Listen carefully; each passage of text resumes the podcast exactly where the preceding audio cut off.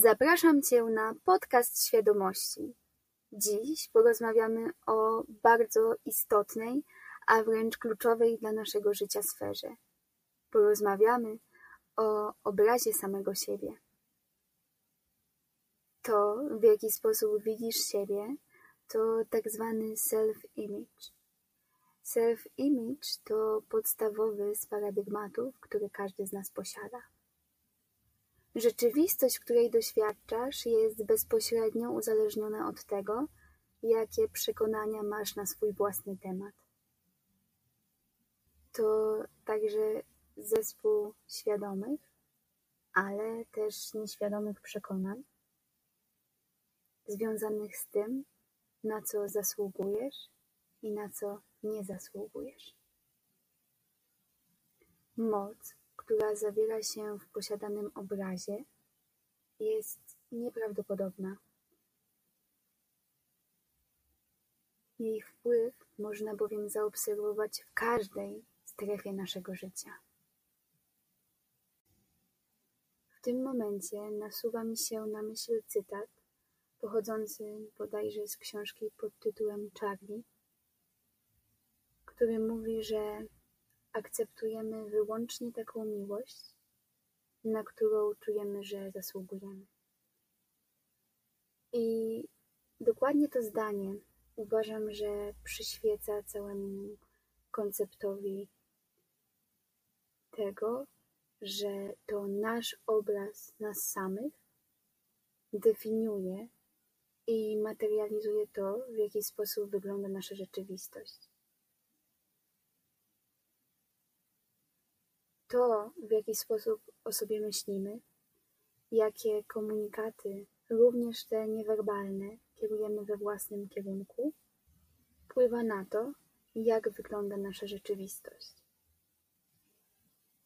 Bardzo lubię korzystać z przykładów, bowiem te niejako w naoczny sposób ukazują nam to, o czym wcześniej mogę mówić wyłącznie na poziomie teoretycznym. Mechanizm, który za moment wskażę, jest uniwersalny i opierając się na nim, jesteś w stanie przeanalizować, a w kolejnym etapie również zmienić obraz siebie, który posiadasz.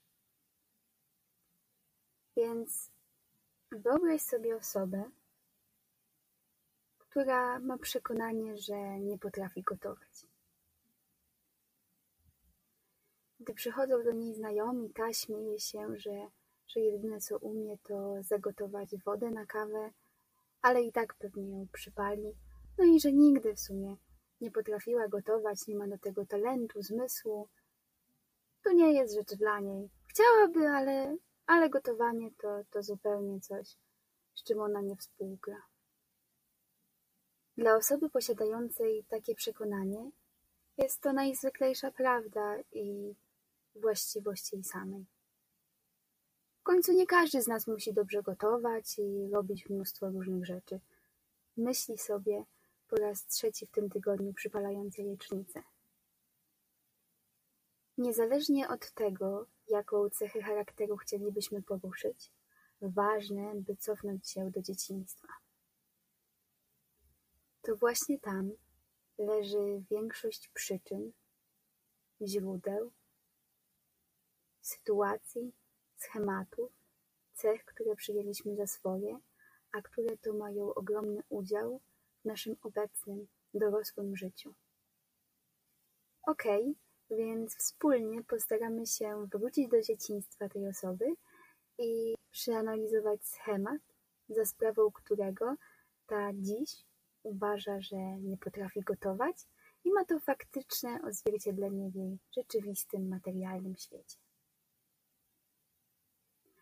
Wartości, na których będziemy operować, są oczywiście hipotetyczne i służą mi wyłącznie do przekazania pewnej wartości, zobrazowania czegoś w taki sposób, by było to łatwiejsze, przystępniejsze do zrozumienia. Dlatego pamiętaj, że bez względu na to, jaką cechę chciałbyś w ten sposób zbadać, posłużyć się możesz dokładnie tym samym schematem. Wyobraźmy sobie, że ta osoba dajmy jej na imię Kasia, miała stosunkowo szczęśliwe, wolne od większych traum dzieciństwo. Jej mama od zawsze była kobietą bardzo niezależną, która wyróżniała się stanowczością, konsekwencją i przekonaniem, że ze wszystkim poradzi sobie sama. Kiedy więc mała Kasia pytała mamy, czy może jej pomóc robić ciasto bądź pokroić warzywa na sałatkę, ta odpowiadała jej nie, nie trzeba. Zrobię to wszystko szybciej sama i będę miała to z głowy, mówiła. Mała Kasia pokornie więc przytakiwała i godziła się z tym, że mama nie potrzebuje i nie chce jej pomocy. Podobne pytania zdarzało jej się zadawać jeszcze kilka razy, natomiast za każdym razem słyszała dokładnie tą bądź bardzo zbliżoną odpowiedź. Po kilku latach, kiedy Kasia miała już piętnaście lat, chodziła do gimnazjum i przyjść miały do niej koleżanki, postanowiła, że tym razem sama upiecze ciasto.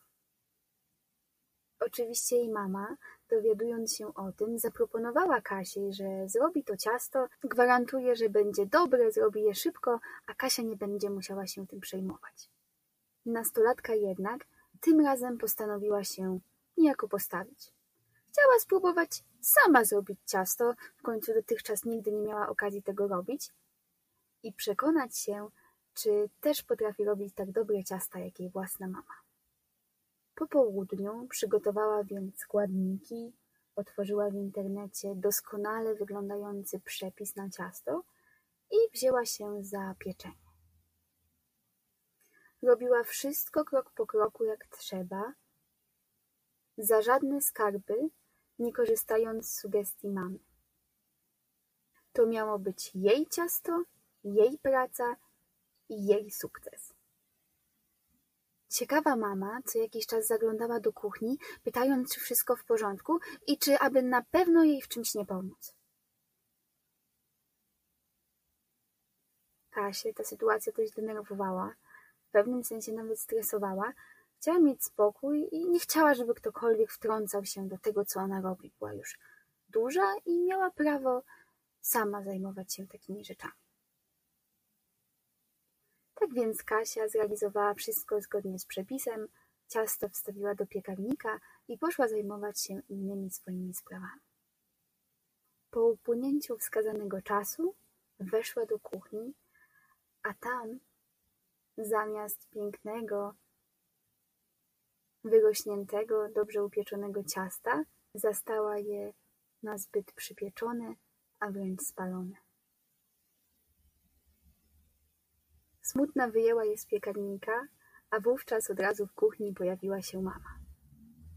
Powiedziała oczywiście, że spodziewała się tego, że tak będzie, że Kasia mogła jej zapytać, bo ich piekarnik ustawiczyła na nieco mniejszą niż podana w przypisach temperaturę i że to wszystko przez to, że nie chciała skorzystać z jej pomocy. Oczywiście nie zawahała się też, by dodać, że Kasia nigdy nie miała talentu do pieczenia, do gotowania i że to w ogóle nie jest danie. Zresztą sama widzi, jakie ma efekty. Mogła przecież pozwolić mamie zrobić to ciasto, zająć się innymi sprawami i wszystko miałaby na gotowe. Po tej sytuacji, za każdym razem, gdy do głowy Kasi przychodził pomysł, by samodzielnie coś upiec bądź ugotować, od razu w głowie słyszała głos własnej mamy, która mówi, dała sobie spokój, nie jest w tym dobra, nie potrafi tego robić i że mama może się tym zająć. Zgodnie z tą podpowiedzią, wszelkie wypieki i potrawy, których potrzebowała na przestrzeni swojego życia, zlecała swojej mamie. Ta zadowolona wykonywała je i z uśmiechem na ustach przekazywała Kasi. Obecnie Kasia ma 27 lat jest w stałym związku i na co dzień wciąż towarzyszy jej przekonanie, że nie potrafi piec i nie potrafi gotować. Funkcjonuje ono w niej tak silnie, że na imprezach jako ciekawostkę o sobie mówi właśnie o tym, że nic z kategorii kuchnia nie wychodzi jej, tym samym jeszcze bardziej utwierdzając się i wpajając sobie to przekonanie. W nieco długiej, przytoczonej przeze mnie historii najważniejsze jest, by zrozumieć mechanizm, schemat. Ten opiera się bowiem na tym, że będąc raz odsuniętymi bądź skrytykowanymi w związku z realizacją jakiejś czynności, zazwyczaj przyjmujemy to za słuszne i prawdziwe. Wówczas nie mamy też na tyle silnej woli i świadomości, by zdecydować się na pracę nad jakąś cechą bądź wykonywanym przez nas działaniem. Kasia najpierw odsuwana była przez mamę od angażowania się w pieczenie czy gotowanie w domu. Gdy zaś podjęła taką próbę, a rzeczywistość wskazała jej na to, że faktycznie coś musiało w tym być, w tym co mówiła mama, że ona poradzi sobie lepiej, że zrobi to sprawniej i z lepszym efektem, już na dobre utwierdziło się w niej przekonanie, że czynności związane z kuchnią nie są dla niej. Kolejne lata i niepodejmowanie na ich przestrzeni prób zmiany tego stanu były wyłącznie efektem tego, co zasiane zostało w niej w dzieciństwie i później zweryfikowało się w życiu fizycznym. Zwróć uwagę, że analogicznie, gdyby mama Kasi, kiedy Kasia była dzieckiem, pozwalała jej angażować się w wykonywanie czynności związanych z pieczeniem, z gotowaniem, ta nabierałaby doświadczenia. Później, jako nastoletnia dziewczyna, nie bałaby się sama próbować i wykorzystywać umiejętności i wiedzę, którą zdobyła w okresie dzieciństwa. W przypadku sytuacji w sytuacji porażek kulinarnych, potocznie rzecz ujmując machałaby na to ręką, zaś w przypadku sukcesów uznawałaby, że to jest po prostu jej cecha. Ona po prostu potrafi gotować. Robi to od zawsze, wychodzi jej to doskonale. Ona sama nieudanym ciastom czy potrawom nie nadawałaby takiej wartości, a jedynie uznawała, a jedynie uznawała je jako odstępstwa od normy. Pyszne i apetyczne dania uważałaby zaś za coś normalnego, za coś, co zgodne jest z jej osobowością i z tym, że przecież jest ona fantastyczną kucharką. Potrafi to fantastycznie robić, ma niesamowity zmysł smaku i umiejętności. Ten model, który wskazałam, dotyczy każdego z nas. Każdy z nas na etapie dzieciństwa przyjął konkretne prawdy na temat siebie samego, które później w dorosłym życiu potwierdzał.